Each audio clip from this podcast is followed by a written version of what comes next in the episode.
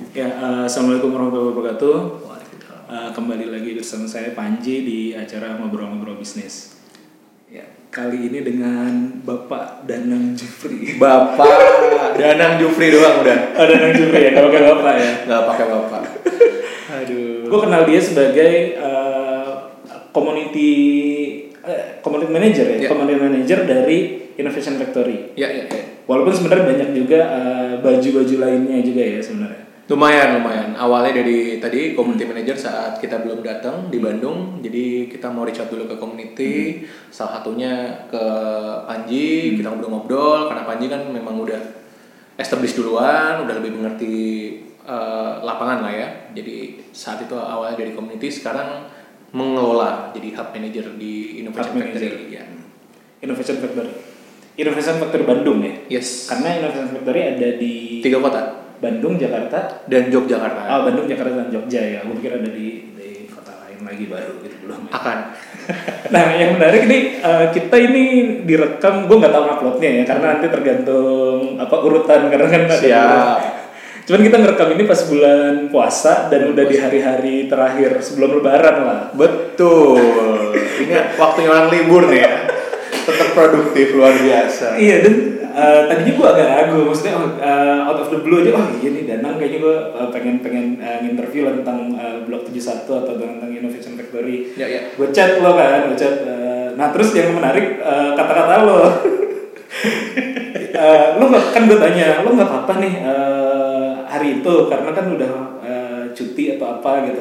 Terus jawaban lo adalah nggak apa-apa, kita kalender ngikutin Singapura. Iya emang jadi kalender kita memang buat libur nggak ngikutin apa namanya Indonesia jadi eh, cuman tanggal merah tetap libur ya. Tanggal merah Indonesia tetap libur. Tetap libur. Tapi cuti bersama tuh enggak? Nggak nggak ada. Jadi kalau kalau gua nggak masuk atau libur ya berarti ngambil cuti. Oh, Bukan jatah. bukan jatah. nah, itu kenapa tuh? eh, mungkin ini ya jadi landasannya Innovation Factory ini kan setahu gue jadi ada semacam ada dua Betul. entitas ya yang, yang join bikin Innovation Factory Ya ya ya. yaitu si grupnya Salim eh, atau mungkin nanti lo bisa koreksi ya dan satu lagi NUS ya dari Ya, ya. Singapura ya. Ya. Eh, nah itu benar nggak sih atau Jadi sebenarnya Innovation Factory itu adalah sebuah digital inisiatif dari Salim Group. Kemudian eh, Salim Group bekerja sama dengan eh, NUS bawalah entitas yang namanya Block 71 ke Indonesia.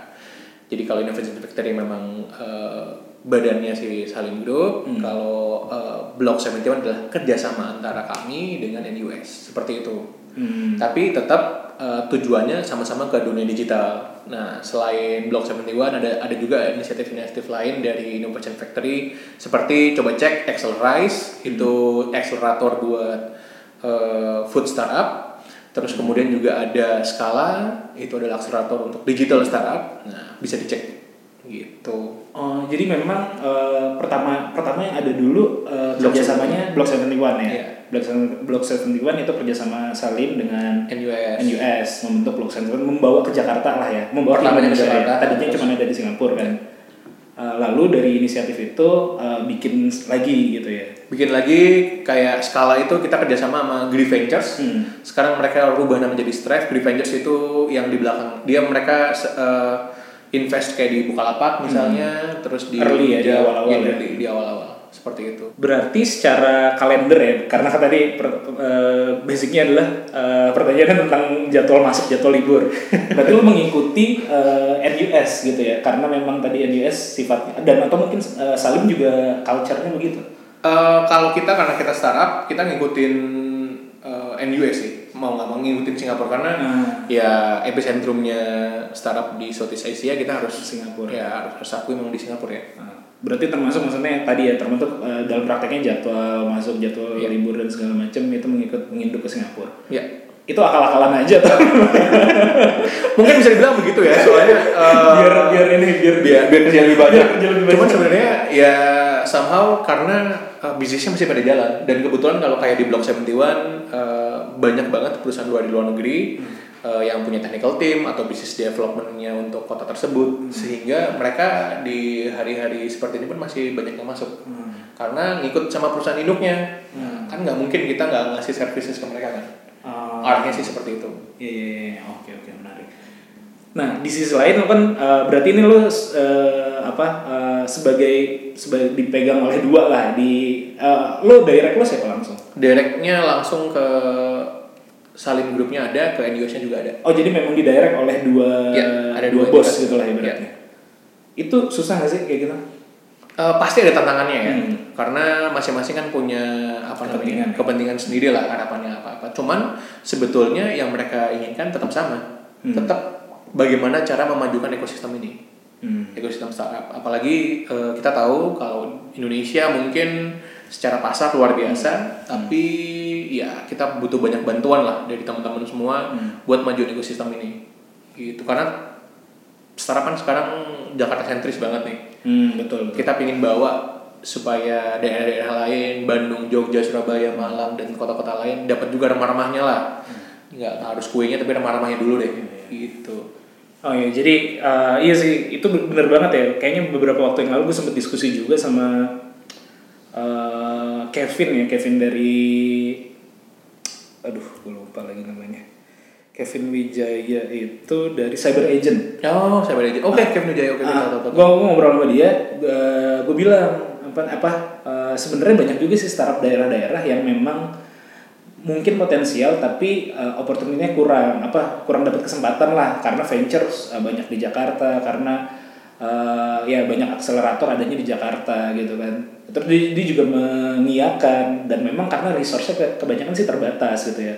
Dari venture itu sendiri jarang mengadakan. Ya mungkin keliling atau bahkan setup office kayak apa uh, Block 71 atau Innovation Factory ini di daerah-daerah yang bisa men- menjaring itu dia juga oh iya betul juga. Dan itu jadi kekurangan ya. Dan gue lihat jadinya satu-satunya mungkin yang lo bisa dibilang ya eh, apa ya semacam kayak ekosistem player gini yang masuk ke Daerah. daerah-daerah ya. Ada juga sih Eh, kita harus harus akui yang pertama memulai adalah Digital Valley ya. Ah, iya, iya, karena DV ya. iya karena Telkom awalnya memang bikin pusatnya di Bandung.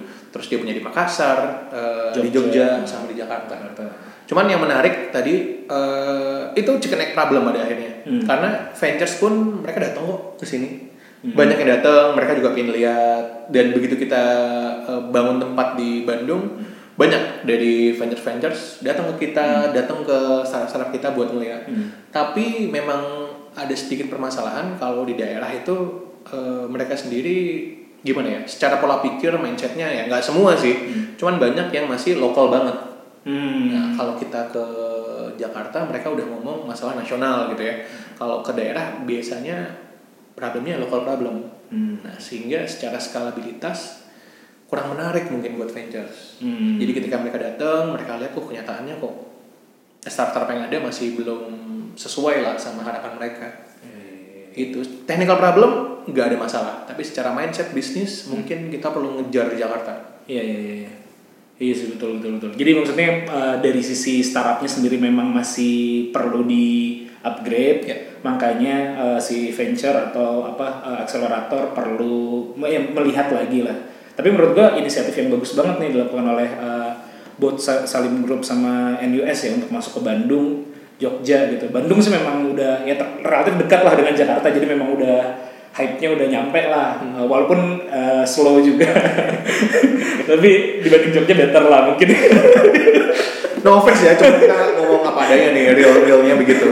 Jogja juga keren karena Jogja itu pusatnya orang kreatif sama banyak banget perusahaan-perusahaan luar negeri yang punya technical team di sana. Iya, betul. secara secara talent Bandung, Jogja kita bisa banget bersaing sama Jakarta, tapi bisnis mindset mungkin kita perlu banyak mengejar lah. Hmm, gue inget kayaknya terakhir kita ngobrol itu eh, tahun lalu ya, kalau nggak salah di DX eh, di DX inkubator. Oh iya iya iya. Lama banget ya.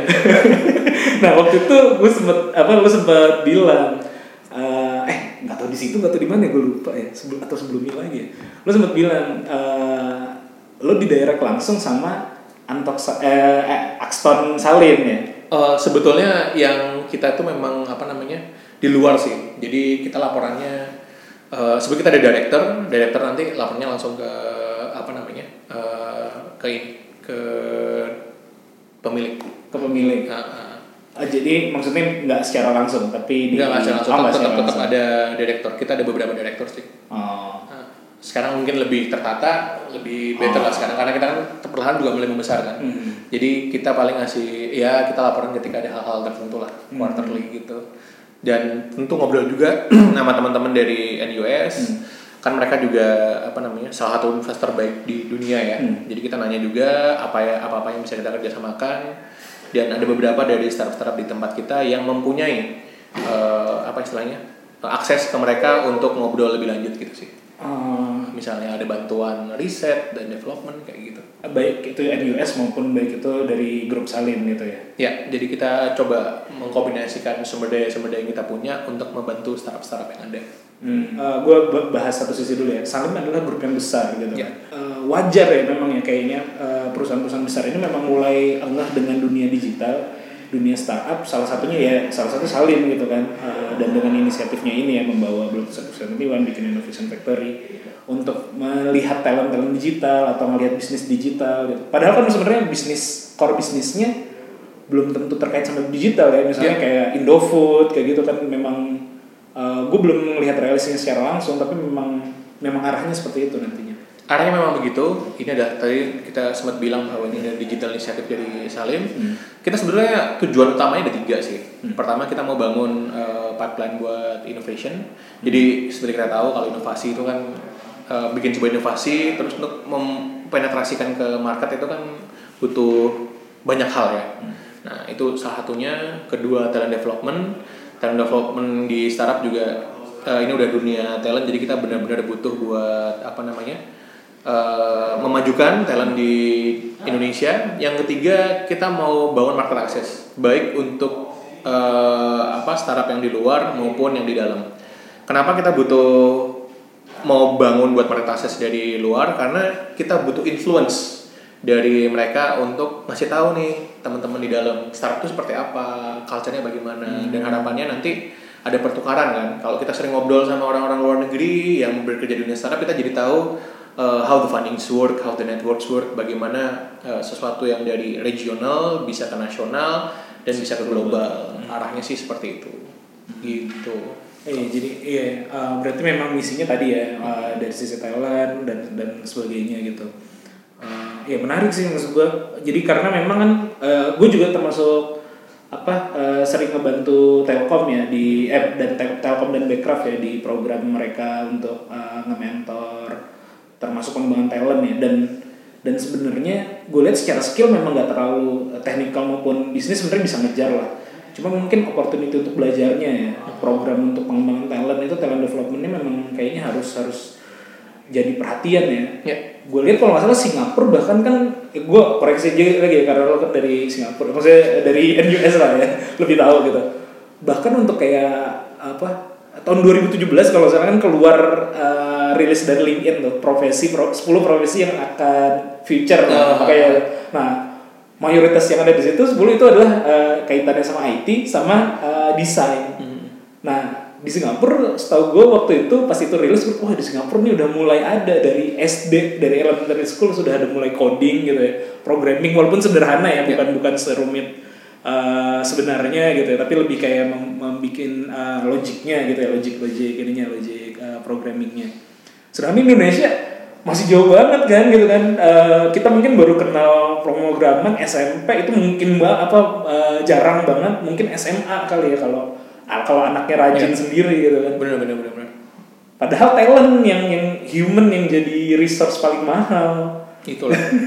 programnya apa aja kalau yang uh, lo lo bikin untuk talent, talent development ini sekarang ini yang paling penting adalah eh, kita reach out dulu ke komunitas, terus kita pingin tahu eh, mereka ngapain, terus saat ini kita jadikan eh, Block 71 sebagai melting pot, tempat bertemunya.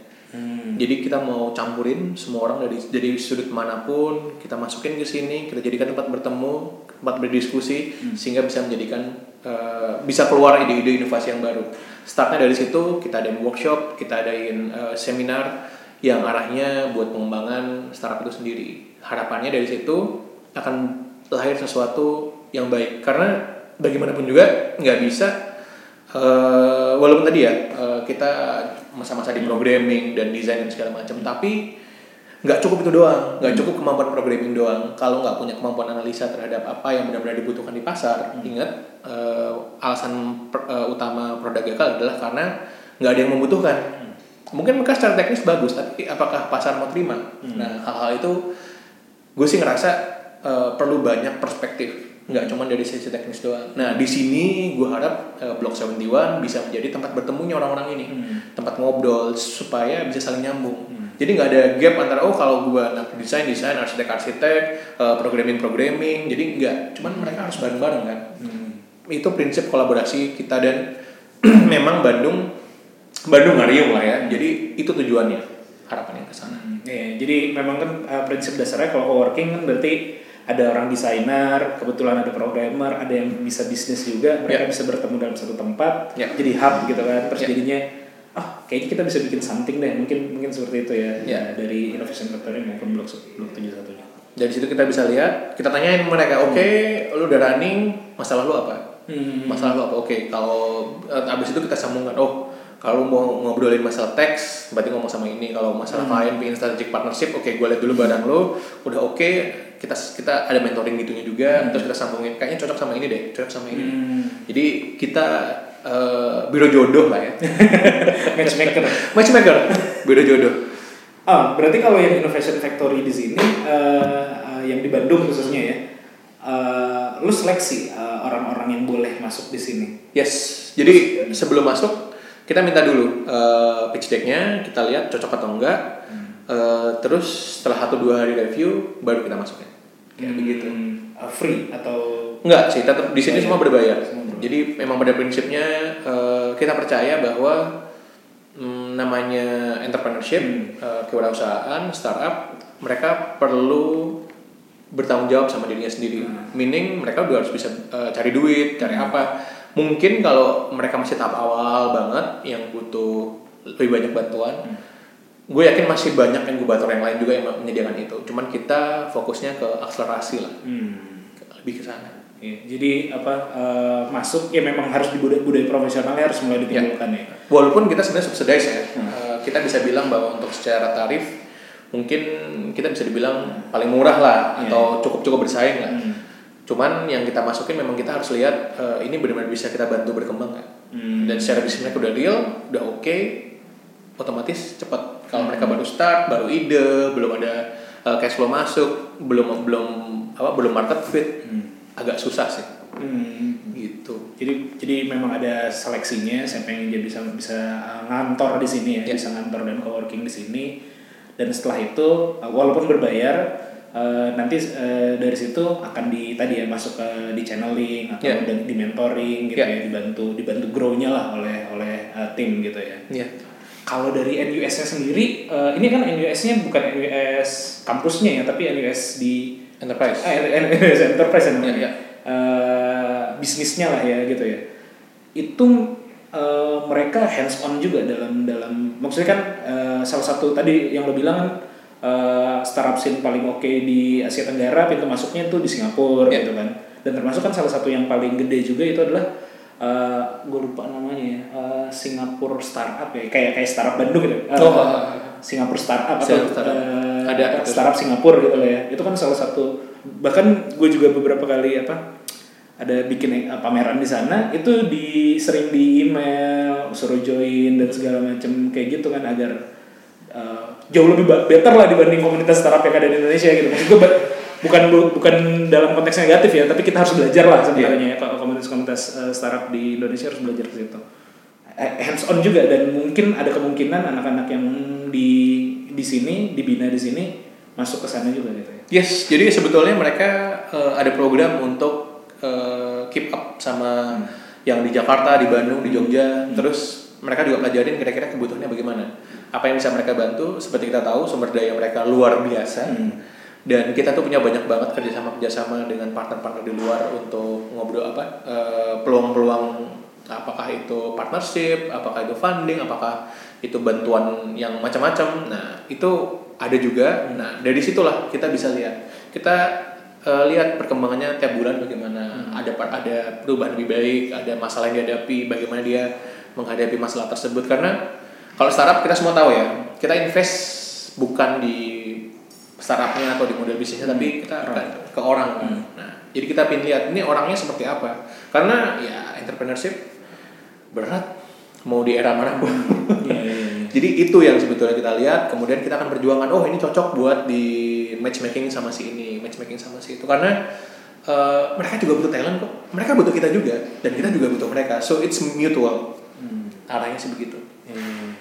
Nah, gue pengen, pengen ke lebih ke pribadi nih. Hmm. Uh, lu bisa sampai di sini, uh, gimana tuh awalnya? Uh, bisa jadi pertama community manager di Blok 71, terus Hmm. sekarang jadi uh, hub manager di Innovation Factory. Sebelumnya lu Sebelumnya gue bikin startup, Hmm. gue punya IT company eh, bareng beberapa rekan, terus kita bikin beberapa produk, terus kita luncurkan jadi startup. Saat itu kan gimana ya, masih awal-awal terus penuh dengan passion dan segala macamnya. Eh, cuman kita boleh memang disebut namanya? Atau nggak udah tutup semua Udah. Oh, ini pembelajaran ya? Pembelajaran. Jadi dua kali bikin eh, startup, bikin produk, eh, tiga tahun dan uang nggak kehitung berapa juta udah eh, habis buat itu semua. Jadi dapat sesuatu masukin, dapat satu masukin nggak jadi apa-apa.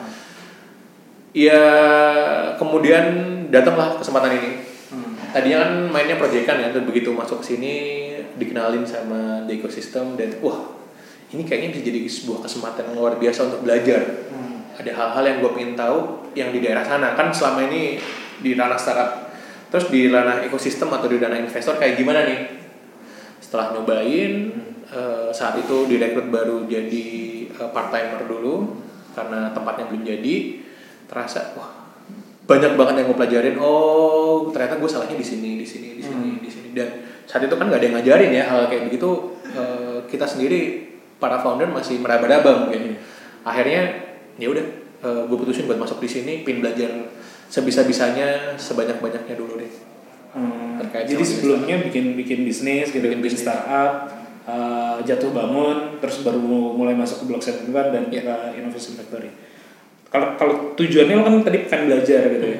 Apa aja sih yang lo pelajari? Maksudnya secara mungkin manajemen ya, uh, budaya kerja dengan grup salin gitu, budaya kerja dengan NUS uh, uh, lu, luar gitu, apa perusahaan luar gitu. Apa aja sih? yang paling pertama gue rasain adalah gue selalu berpikir bahwa gue bekerja udah cukup keras udah cukup rajin dan cukup apa Ternyata kurang. tidak ada apa-apanya Oh gitu. Iya, gue merasa oh gue udah cukup cepat. Kita pakai Trello, kita udah pakai apa? Enggak, belum belum cepat.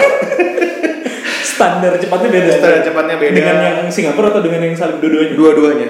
Kan Wow. kita pace-nya cepat banget ya. Jadi eh, itu penting sih. Lo kerja berapa jam seminggu? Sebetulnya masalah waktu itu nggak ada nggak ada problem. Tapi Ah. sering nggak sih kita kerja terus yang masih eh, gini-gini ngapain? Eh, itu Indonesia banget. Iya, itu itu eh, bikin lambat.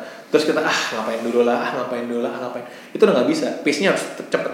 Dan beberapa hal kayak balas email harus maksimal 15 menit. Kayak Oh, gitu, gitu ya.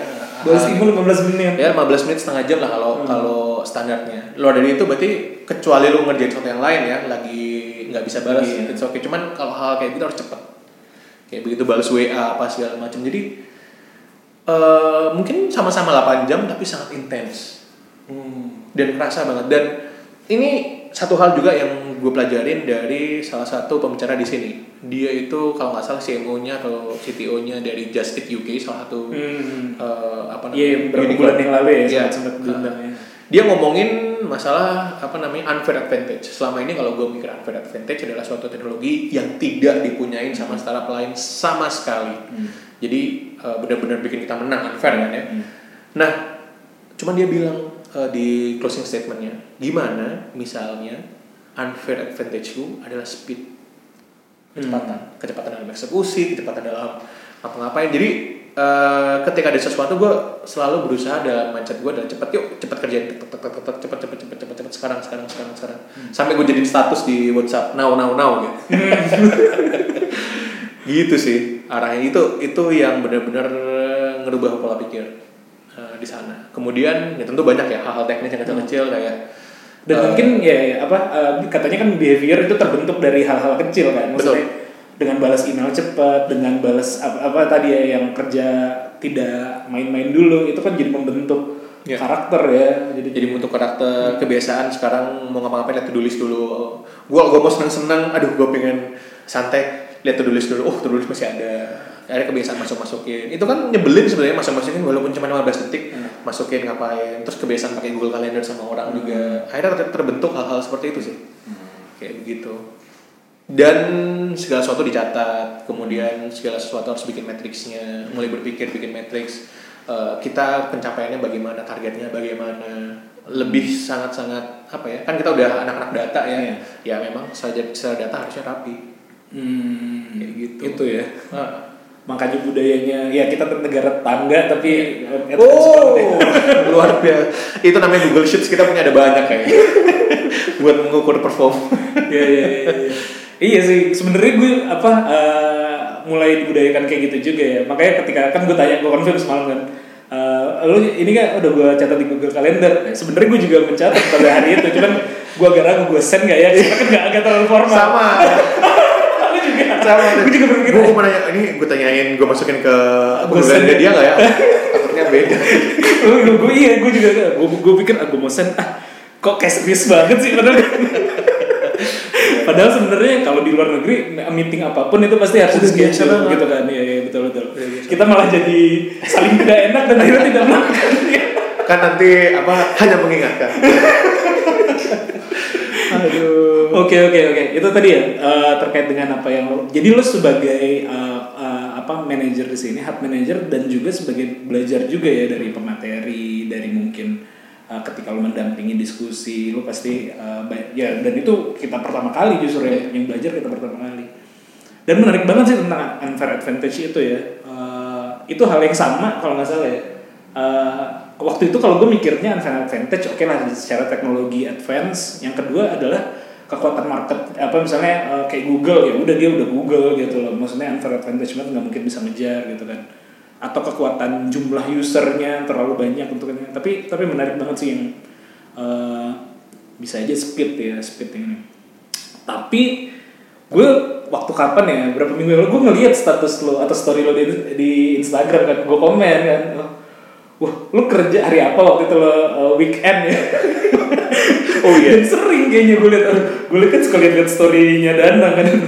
Wah ini uh, weekend uh, weekend hustle atau apalah ya, hashtag lo atau Iya, apa iya. gitu kan. Weekend hustle. Itu memang karena yang paling pertama kita banyak event waktu weekend. Beda sama Jakarta kalau anak Bandung tuh eh, Pasti. lebih seneng pas weekend kan ya Jumat Sabtu Minggu. kalau anak Jakarta malam kalau anak. Jakarta malam sore tapi pa- pas weekdays. Kalau weekend mereka prefer fun lah ya. Udah seminggu, Seminggu kalau di sini kita bikin event weekend jam sore sore siang.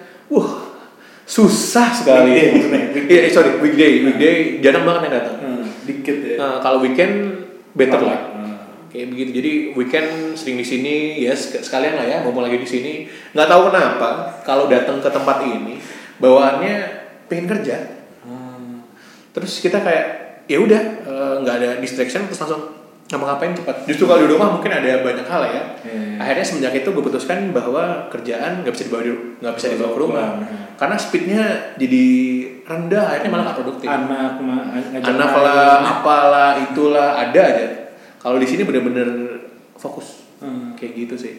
Budaya budaya kerja ke situnya ya? Ah, jadi ke bawahnya seperti itu juga. Dan itu nular juga ke di coworking kita lah ya. Mungkin karena bagusnya satu ini gue saranin nih buat teman-teman kalau yang punya rumah ah, punya kantor di rumah atau punya kantor sendiri kalau masih kecil gitu ya mending masuk coworking lah. Apa pun itu gue nggak promosi tempat gue maksudnya masuk coworking lah ya. Karena lu bisa lihat teman-teman yang lain hustling dan itu bikin lu jadi anjis si itu serius banget serius banget Hmm. jam segini masih kerja akhirnya terbawa juga terbawa jadi ke bawah semangatnya asiknya sih di situ ya buat coworking Hmm, iya iya betul betul betul. Tapi ke bawah juga kadang-kadang yang main. nah makanya kan kadang-kadang eh, ya ada rule rules Iya. ya kalau di coworking. Nyetel musik nggak boleh terlalu Iya. kencang atau pakai headset dan segala macam hal-hal simpel cuman eh, ya se- karena tempat bersama lah. Ini kan tempat tempat berbagi lah ini kan. Iya. Jadi jadi harus ada etikanya juga gitu. Nah, kalau, eh, tadi kan eh, lu bikin startup juga. Nah, terus gue, gue lihat juga status lo eh, atau sering kolaborasi juga atau beberapa kali kolaborasi dengan Innovation, Innovation Factory itu ngadu ide. iya iya Nah, ngadu ide itu eh, apa tuh? Dan lo di situ sebagai apa juga gitu? Sekarang gue masih jadi kayak ketuanya kita bilangnya eh, apa namanya eh, kepala suku lah ya. Masuk gue adalah gen- apa yang ketiga eh sorry keempat eh, ketua kepala ngadu ide. eh, ketua ngadu ide Yang eh, keempat. empat. Jadi ngadu ide itu adalah ngobrol asik di dunia usaha dan ide. Itu singkat eh kepanjangannya ya. Kepanjangannya eh, awalnya ini dibentuk sama senior senior gua yang udah pada sekarang udah pada sukses alhamdulillah Eh, di dari FSRD. Jadi ceritanya mereka mau mereka bikin usaha, cuman kan banyak problem nih. Nah mereka mengundang orang yang expert buat ditanya-tanyain. Itu awalnya. Hmm, awalnya. Tapi ternyata yang yang tanya sama yang eh, datang banyak banget. Akhirnya kita bikin acara yang lebih besar. Gitu. Eh, yang udah pernah datang, Kang Emil pernah datang, eh, terus dari apa namanya eh, pemilik C59, pemilik factory outlet, banyak lah, Bidi Baik, semua kita sempat sempat undang dan kita tanya-tanyain kira-kira ngobrolin tentang topik tertentu yuk. Akhirnya kita bikin kayak dulu tuh acara bulanan. Cuman saat ini memang kita lebih akhirnya lebih banyak internal, lebih banyak ngobrol-ngobrol internal, eh lebih curhat bisnis lah. Gimana bisnis lo ada masalah apa?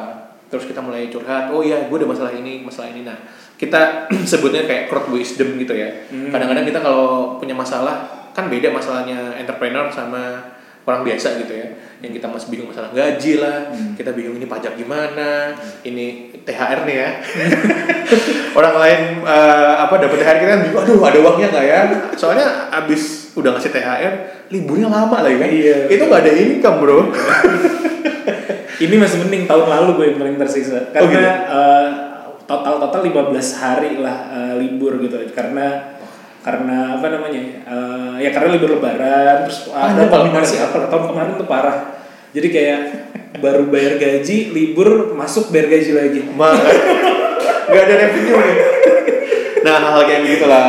Terus kita ngobrol-ngobrol saya nanya sesama yang di fashion mungkin, oh eh, tukar-tukaran vendor, hal kayak gitu. Eh gue ternyata jualan di apa eh, pameran ini laku loh. Oh gue jualan di tokonya sini laku loh. Eh gue pakai apa influencer ini lebih oke daripada yang ini. Kayak gitu-gitu kan. Nah itu kan nggak nggak akan tahu kalau bukannya sama entrepreneur. Nah itu sebenarnya kita lebih acara kumpul-kumpul begitu sambil ngobrolin bisnisnya. ah dan itu tidak spesifik digital Justru eh, tidak digital. tidak digital sama sekali Walaupun ada juga yang digital ya. kuliner, fashion, Kuliner, fashion. Banyaknya di fashion dan kreatif kuliner. gitu. Hmm, banyaknya Iya. di hmm, kreatif. Eh, dan eh, ini gimana ya? Lo membagi membagi waktu ya atau membagi atau ada konflik nggak sih dalam dalam lo menjalankan satu innovation factory eh, yang satu adalah sebagai ngadu ide ini kan dua hal yang berbeda mungkin juga berbeda ininya ya apa tadi segmennya juga beda mungkin Ya. atau lo mencoba mempertemukan keduanya sebenarnya Pada akhirnya ya make the best that I can. Artinya gue tetap yang diutamakan karena ini adalah pekerjaan ya. Hmm. Tentu gue adalah bakal dari innovation factory. Hmm. Tapi ketika gue bertemu kan gue bisa bertemu banyak orang. Hmm. Ketika mungkin sama innovation factory-nya belum nyambung karena lebih digital, eh, mungkin bisa nyambungin ke ngadu ide. Kayak begitu-begitu sih. Hmm. Jadi ter- tergantung tapi tetap ada prioritas. Hmm. seperti itu kalau komun kan karena kita komunitas yang benar-benar ngobrol-ngobrol begitu eh, bentuknya berbeda kan. Ketika memang mereka pingin eh, ngob- eh, pingin butuh bantuan buat mentoring atau pingin butuh bantuan buat ngobrol-ngobrol tentang eh, Spesifik spesifik hal bisa dibawa ke ngadu ide. Hmm. seperti itu. Nah, eh, kalau kalau tapi tadi kan lo bilang kalau yang si apa di Salimnya atau yang di Revision Factory-nya bikin satu inisiatif juga kan yang eh, apa yang food startup? Oh iya food startup accelerize. Accelerize. Ya. Itu udah udah buka batch atau? Udah running. Udah Eh, programnya belum diumumkan. Cuman mungkin bisa cek aja di eh, Instagramnya accelerize. Accelerize. Iya. pakai A- A, C, Axel rice Oh, gitu rice, rice, rice, rice nasi itu jadi bayangin sebuah coworking tapi buat food startup. Ada dapurnya keren ada tokonya. Coba cek deh. Gue tuh tiap kali gitu. gue tiap kali wih keren banget ya. Lapar bawaannya. Di Bandung nanti. Di Jakarta oh, di saya. Jakarta di Jakarta. Belum tahu nih kira-kira kalau memang kan Bandung juga terkenal nih kulinernya. Hmm. Jogja juga terkenal. Ya. Mungkin eh, sekarang karena baru di Jakarta dulu mungkin nanti bisa berkembang kota-kota lain Oh jadi itu eh, tadinya gue mau menanyakan oh berarti mungkin koneksinya bisa di situ tuh antara ngadu ide anak-anak ngadu ide masukin misalnya yang kuliner atau Ya, apa mau ini di diakselerasi di situ gitu ya. betul bisa ke sana Bisa ke situ juga. Tapi menarik banget sih itu. Jadi eh, itu lebih kayak lab fact apa eh, food factory gitu. apa uh, ta- uh, apa uh, riset makanan atau ada dapur bisa, bisa. Oh, bisa juga bisa Jadi eh, ini yang yang pernah diadaki diadain ya. Jadi kayak kita sempat eksplor masalah bikin makanan, Hmm. terus kemudian ini kemasan. Ah, iya, Jadi iya, memang arahnya bagaimana sebuah produk yang tadinya kan banyak nih anak-anak yang bikin ya istilahnya kayak maici-maici lagi lah yang Hmm. lain-lain. Nah, bagaimana itu bisa kepus jadi produk yang lebih nasional. proper gitu ya Ah. proper dan nasional Dan kan kita bisa bisa kasih tahu dari karena kita mungkin eh, pengalaman di food Hmm. lumayan. Hmm. Jadi kita bisa kasih tahu standarnya bagaimana biar bisa masuk i- eh, minimarket bagaimana, biar bisa masuk ke sini bagaimana. Tentu kan kita kasih tahu. Nah, kan kita tahu tahap-tahapnya. Awalnya Hmm. gini dulu. Kalau enggak kan orang nggak tahu kan susah juga ya. Hmm. Gue pernah usaha kuliner terus bingung terus ini mau diapain? Hmm. Udah bikin rendang kemasan terus gimana? Hmm. Kalau mau masuk ke eh, apa langsung ke supermarket dia ternyata butuh ini, butuh ini, butuh ini. Nah, kan ada step-stepnya tuh. Nah, itu yang lebih diajarin sih. Hmm. Kayak begitu. dan mungkin kalau dari sisi tempatnya sendiri eh, mungkin jadi konsepnya kayak konsep ini ya maker space tapi untuk untuk Betul. makanan gitu ya. Dapurnya tuh keren banget bener. ini udah udah ada Udah ada. di mana di itu di apa namanya di Areo Bimo Sentral di bagian belakang. Ah. Nah nanti Oh, tinggal ada. Jadi di depannya itu ada Blok 71 di Kuningan. Hmm. Di belakangnya daerah belakangnya ada gedung lagi sendiri. Itu gedungnya Sunrise. oh berarti masih searea di Satu situ area. ya masih satu area Masuknya sama. oh, oh menarik tuh dan maksudnya anak-anak udah ada yang dibina di situ baru mau baru buka Gue belum tahu tuh. Kalau nggak salah sih belum ya. Cuman memang kita kerjasama langsung sama Backcraft. Ada namanya FSI Food Startup Indonesia. Ah, iya, iya, iya, nah iya. kita kita lihat bisa ada potensial kita ajakin masuk untuk kita kembangin. Eh, kemarin ada salah satu finalisnya, finalis pemenang ya, finalis kalau nggak salah. Hmm. Namanya Macamu. Nah sekarang Macamu teh, bukan? Iya Macamu. Hmm. Eh, Macamu teh itu dari Jogja. Eh, sekarang produknya bisa dicari di Indomaret Indomaret terdekat. Wow. Oh, sih gue. itu itu loh apa dibantu di eh, eh, tadi di situ cikal bakalnya lah, Cikal cikal bakalnya. Sunrise. Jadi tadinya memang sama kita kerjasama, terus dibantu sampai terakhir mereka bisa bikin pabrik, bisa masukin ke mana-mana seperti Wow, itu. wow, wow. Gitu. dan itu konkret banget sih dan ka- karena gini ya gue ada kegelisahan ini sih sebenarnya ya Eh, nggak tahu lo eh, kita mungkin eh, zamannya hampir sama lah ya lo lebih lebih di atas cuma maksud gue kan gue mulai sebenarnya bisnis kalau gue secara pribadi mulai bisnis konvensional awalnya. Maksudnya bisnis dagang eh, sepatu dan lain-lain gitu. Sampai baru masuk digital mungkin 2003, 2013 2014 lah. Eh, baru masuk ke area-area digital gitu kan. Dan kadang-kadang gue kepikiran gini eh, dan ini kejadian ya karena ada kawan gue eh, kawan gue tuh bisnisnya eh, mesin eh, makanan mesin eh, apa food processing lah. Oke. Apa pun gitu oven eh, Bikin bakso, bikin apa? bikin bakso, mesin es krim, mesin pokoknya mesin-mesin food processing lah. Bahkan uh, sealer, cup sealer, apa Oke. segala macam. Uh, seangkatan sama gue maju banget, tinggi banget, cepet sampai ketika dia bilang tahun 2015 atau 2016 gitu ya. Dia udah punya pa- apa uh, cabang se Indonesia tuh mungkin ada 10 kali ya di kota-kota besar. Sampai tahun 2000 2015-an atau 2016 itu uh, kegerus sedikit nih anak-anak atau uh, bisnis-bisnis kuliner baru atau bisnis-bisnis apa ya ya, ya tadi ya yang butuh pabrik lah atau bukan pabrik lah yang butuh mesin lah. Karena ada gerakan digital. Karena anak mahasiswa sekarang baru lulus dan mau bikin startup digital gitu. Bukan zaman gue mungkin oh gue mau bikin abnormal lah gitu misalnya. Atau gue mau bikin apa warung nasi goreng atau ayam be- bebek apa kayak gitu gitu lah dan itu menyebabkan menyebabkan in, apa ya tadi uh, kan startup sebenarnya industri yang ter- tidak terlalu butuh modal awal lah dalam artian aset gitu ya. Paling asetnya hanya laptop dan daya kreativitas pemikiran. Dan itu berdampak ke industri lain ternyata jadinya kan. Dan itu gerakan tahun-tahun 2015 itu 2000 dengan adanya Gojek dan segala macam hype Gojek orang-orang jadi pengen bikin startup kan tinggi banget. Arah ke digitalnya sangat sangat tinggi gitu kan. Dan uh, industri lain yang tadinya mungkin harusnya ada itu kayak kuliner apa segala macam mulai agak redup.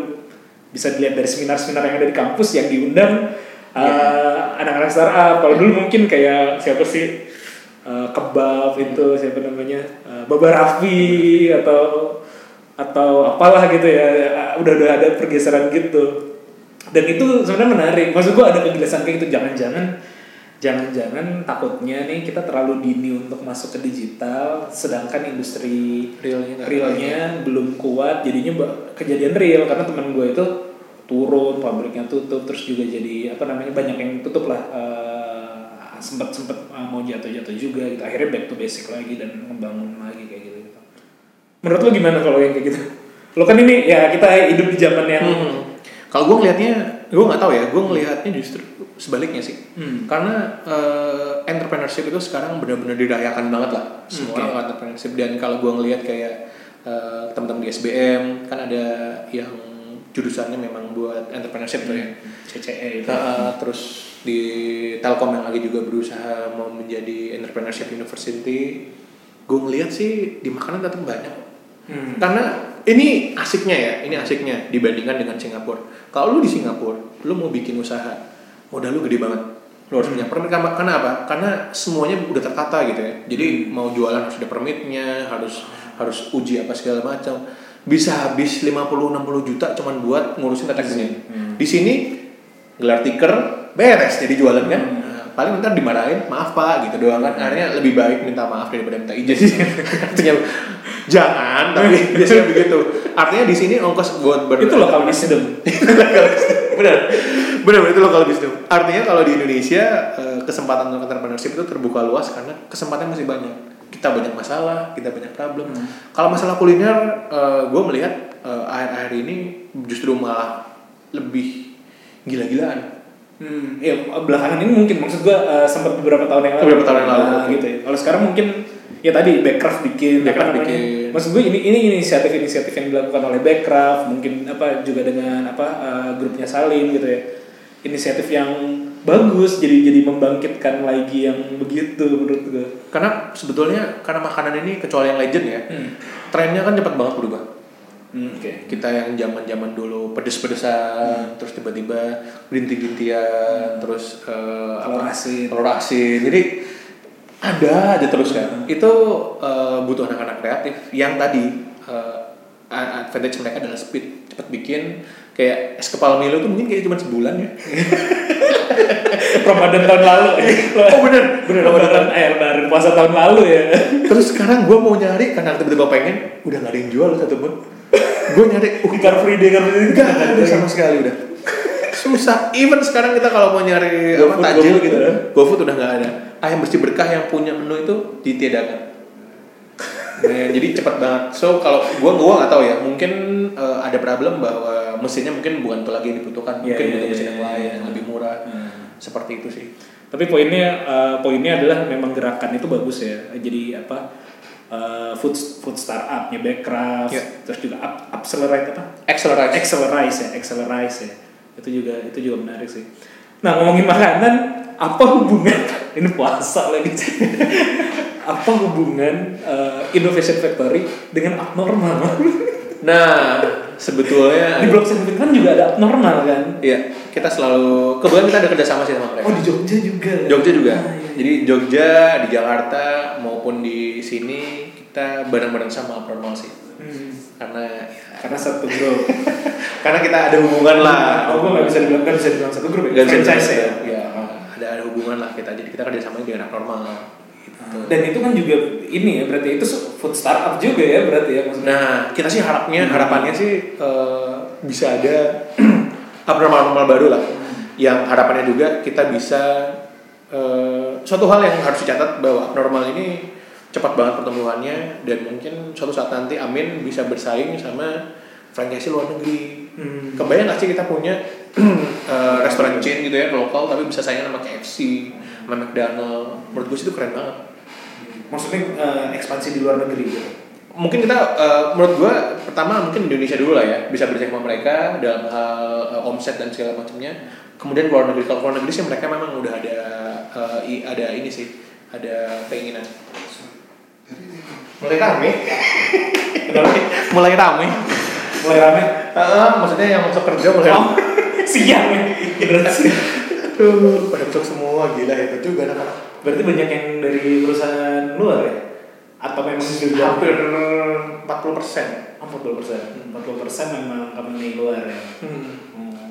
soalnya gue mereka tutup iya itu lah kemarin gue nanya eh, mau gue tutup atau gimana nih? Nah, gue mau ngasih ke libur anak-anak, Eh, gue mau ngasih libur soalnya buat CS apa segala Iya, macam. iya, iya. begitu mereka bilang masuk ya udah.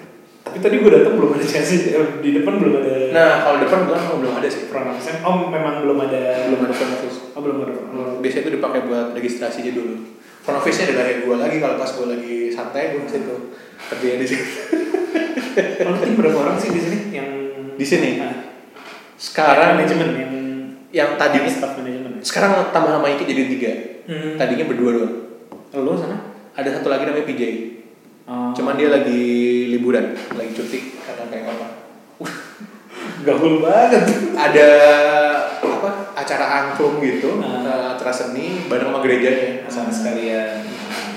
jadi pulang pas lebaran Oh, pulang pas lebaran. keren kan sampai mana tadi Sampai mana ya? Gue lupa juga. tadi Accelerize Accelerize. Oh iya, eh, ya, makanan ya tadi ya, kita ngomongin makan- makanan inovasi. Ini ki- dikit lagi sih yang paling. Iya. eh, ngomongin masalah inovasi makanan, eh, grupnya Salim ini sangat inovatif dalam bikin makanan. ada mie, ada mie lagi Indomie rasa apa? Ayam Citato, yang terakhir. ultimate banget tuh. udah nyobain belum Udah. Bini gue apa gue juga sih penggemar mie ya Indomie ya terutama. Dan itu kan ketika ada yang aneh-aneh itu kita cobain. Bahkan yang kemarin sempat ada orang bilang flop apa eh, yang apa ya yang ayam geprek apa yang kata Telur orang asin? Iya telur asin kata orang-orang gak enak. Kita nyobain sebenarnya eh, biasa aja sih maksudnya tidak terlalu ti- setidak enak yang dibilang orang ya. Yang di YouTube YouTube kan reviewnya tuh tidak apa failed lah gitu tapi kita nyobain ah, kayaknya enak-enak juga Eh, apa ya? Eh, kenapa tuh? Gue mungkin nggak bisa mewakili untuk menjawab itu ya. Tapi gue sih bisa kalau pendapat pribadi ini semua karena kepemimpinan kepemimpinan dari Pak Exton sih. Time jadi menurut gue sih gue belum pernah lihat nih. Bukan mau memuji bos sendiri ya cuman gue belum pernah lihat Pak Akston anda sedang gue belum pernah lihat apa namanya eh, pemimpin di bidang food Indonesia. Kan biasanya kalau konglomerasi itu orang-orangnya tradisional apa segala macam. Hmm.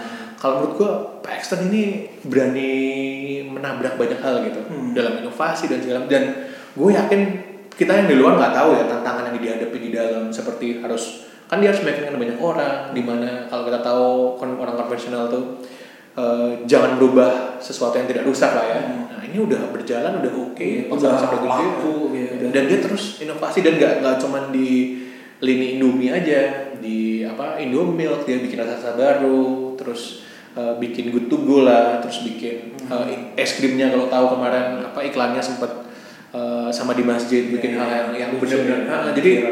dia tuh deket banget sama eh, millennials in my opinion ya gitu jadi karena mungkin memang konsumen baru adalah konsumen millennials pastinya kan bukan bukan yang kemarin-kemarin lagi dan cara pendekatannya gue belum pernah melihat itu di brand lain sih Hmm. di Indonesia ya Hmm. Iya menarik ya. Mungkin dia berarti generasi ketiga ya. betul ketiga Sudono bapaknya eh apa? Eh, Pak Antoni Antoni ya, Pak, Antoni. Terus baru eh, Pak Exton eh, usianya berarti gue kurang tahu tuh gue uh, persisnya mungkin mirip-mirip kita lah ya Oh 30-an ya. Mungkin- di atas kita kita dikit lah tapi deket banget maksudnya eh, kalau gue pribadi gue bisa relate ya kayak kecintaan sama Pokemon misalnya Hmm. dia dia mengerti dia dia ngom eh, dia bicara produk kita apa? Oh, bukan, bukan maksudnya ini obrolan. Eh, kan eh, beliaunya kan suka macam-macam yang Hmm. mirip-mirip sama kita gitu lah ya Oh. arahnya begitu terus ada kolaborasi misalnya bareng teman-teman di ruang guru sama The Lopez bersaudara itu juga Oh. skin Indonesia bikin apa. Terus banyak eh, sempat bikin baju sama eh, goods department apa apa itu namanya lupa gue bikin baju-baju Indomie yang gue sebenarnya pengen, pengen banget beli tapi selalu kehabisan. Iya, sama. Lucu loh. Iya, ya itu itu gue pernah lihat sih, gue juga nggak sempat beli ya, nggak dapet ya. Cuman sempat yang dapet itu yang menarik ini eh Indomie apa kemasan lampau apa sih? Oh, iya, iya, iya, iya. Bini gue sampai beli tiga itu. yang apa namanya? Yang gue dapat gue di bag, terus Iya, iya, iya. bungkusnya tuh bungkus Zaman dulu. dulu. Iya, itu lucu banget sih. Maksudnya itu kan apa ya eh, Indomie udah punya pasarnya ya dia pengen bikin hype eh, naik hype lagi hype naik kayak gitu sih menarik sih menarik menarik ya, ya mudah-mudahan itu bisa jadi eh, ya dan pa- pasti ya pasti itu jadi ah, ke sini juga ya ke bawah ke ini ya ke Pasti karena memang kita hubungan dengan uh, Pak Eksten walaupun kita nggak apa namanya uh, bertanggung jawab sama beliau secara langsung itu cukup dekat sih. Hmm. Karena bagaimanapun juga uh, arahnya dari grup ini memang lebih muda kan ya dan itu kebawa ke ekosistem kita uh, semuanya. Eh, kalau selain dari yang dengan Grief Venture atau dengan dengan apa eh, NUS gitu ya. ya, NNUS ada kerjasama kerjasama lain nggak atau ada memungkinkan nggak sebenarnya Salim eh, sebagai Salim grupnya ya Innovation Factory sebagai proksinya Sa- Salim Group ini bikin apa venture capital sendiri di sini gitu pendanaan dan pengembangan sendiri gitu. Kalau untuk venture capital sebenarnya kita ada, tapi kita bisa bilang kan itu uh, dari ini dari grup ya, Hmm. sehingga mungkin berbeda sama uh, Cara venture capitalist ya. Kalau venture capitalist biasa kan mereka cuma tinggal mikirin masalah uh, exitnya berapa gitu aja. kan. Hmm. Nah kalau uh, buat dari company kan mereka pasti berpikir uh, bagaimana portofolio yang mau diambil itu bisa memperkaya portofolio yang sudah ada. Telkom melakukan hal seperti itu, Mendukung produk mendukung produk gitu ya. Hampir semua kalau asalnya dari perusahaan Corporate. seperti itu. Untuk sementara sih kita di situ dan kita sama sekali tidak menghalangi untuk kerjasama kerjasama yang lain karena kita selalu selalu membuka juga.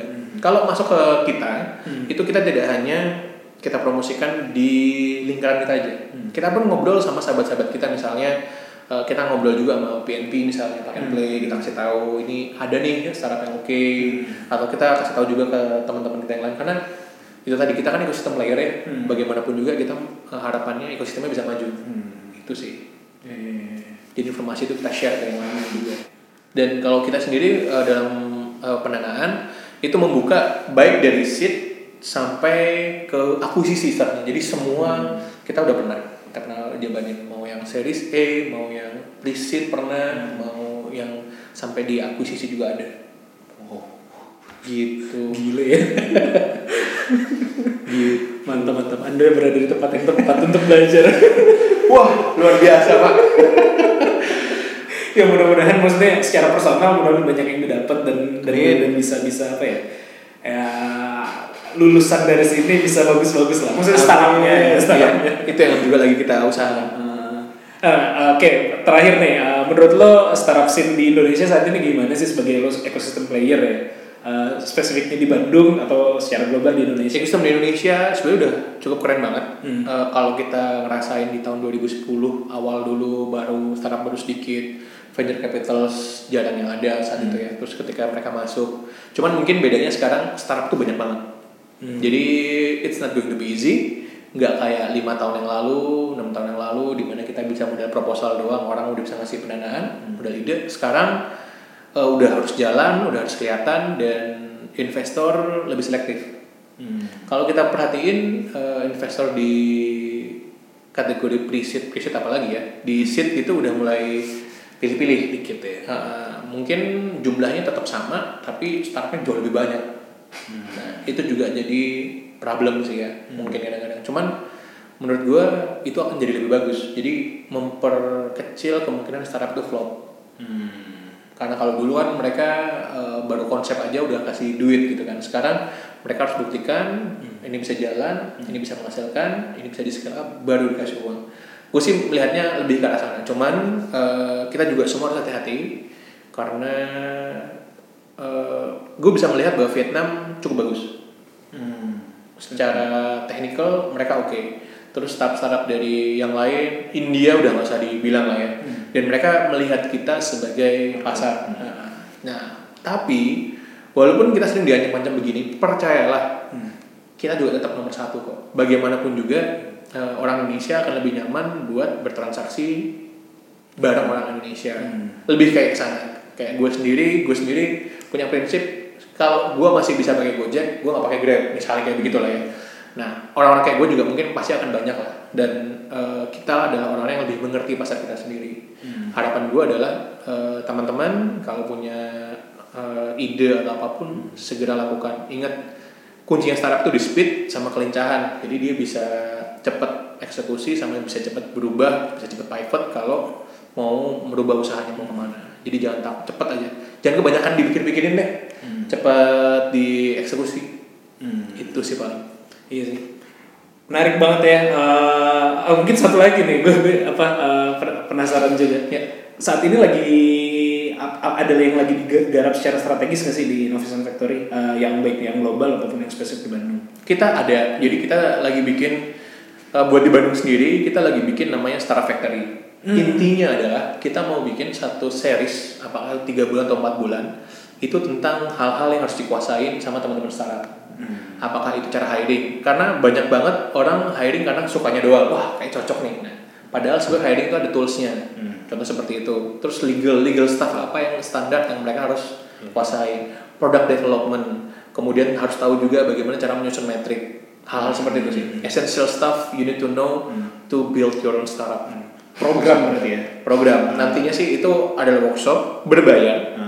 Eh, kemudian akan kita ulang setelah eh, empat bulan terus kita ulang lagi Iya. di awal. jadi yang memang mau menguasai ya yang mau menguasai eh, hal tertentu bisa ngambil Iya. nggak harus ikut semuanya yang mereka rasa butuh aja Hmm. itu sih karena terakhir kita pernah ngundang eh, banyak orang datang kita ngundang kita ngobrolin masalah eh, ini product market fit setelah selesai, selesai acara banyak yang bertanya dan pertanyaan itu masih elementer gitu masalah hal dasar Hmm. dia nanya masalah itu Betul, betul. ternyata teman-teman banyak yang belum tahu BMC misalnya gue karena dulu udah belajar sendiri gitu ya gue merasa bisnis model canvas itu hal yang semua orang tahu tapi ternyata tidak Hmm. nah gue berharap dari Startup Factory orang-orang bisa belajar tentang hal yang esensial buat bangun startup Hmm. itu sih Oke. Sukses terus, Bro. thank you banget thank you having. Sorry nih ganggu waktu liburan. emang masuk kok saya tidak libur ya saya tidak libur Thank you. Sip, thank you banget. Thank you, thank you, thank you, thank you. Sekian semuanya. Assalamualaikum warahmatullahi wabarakatuh. Assalamualaikum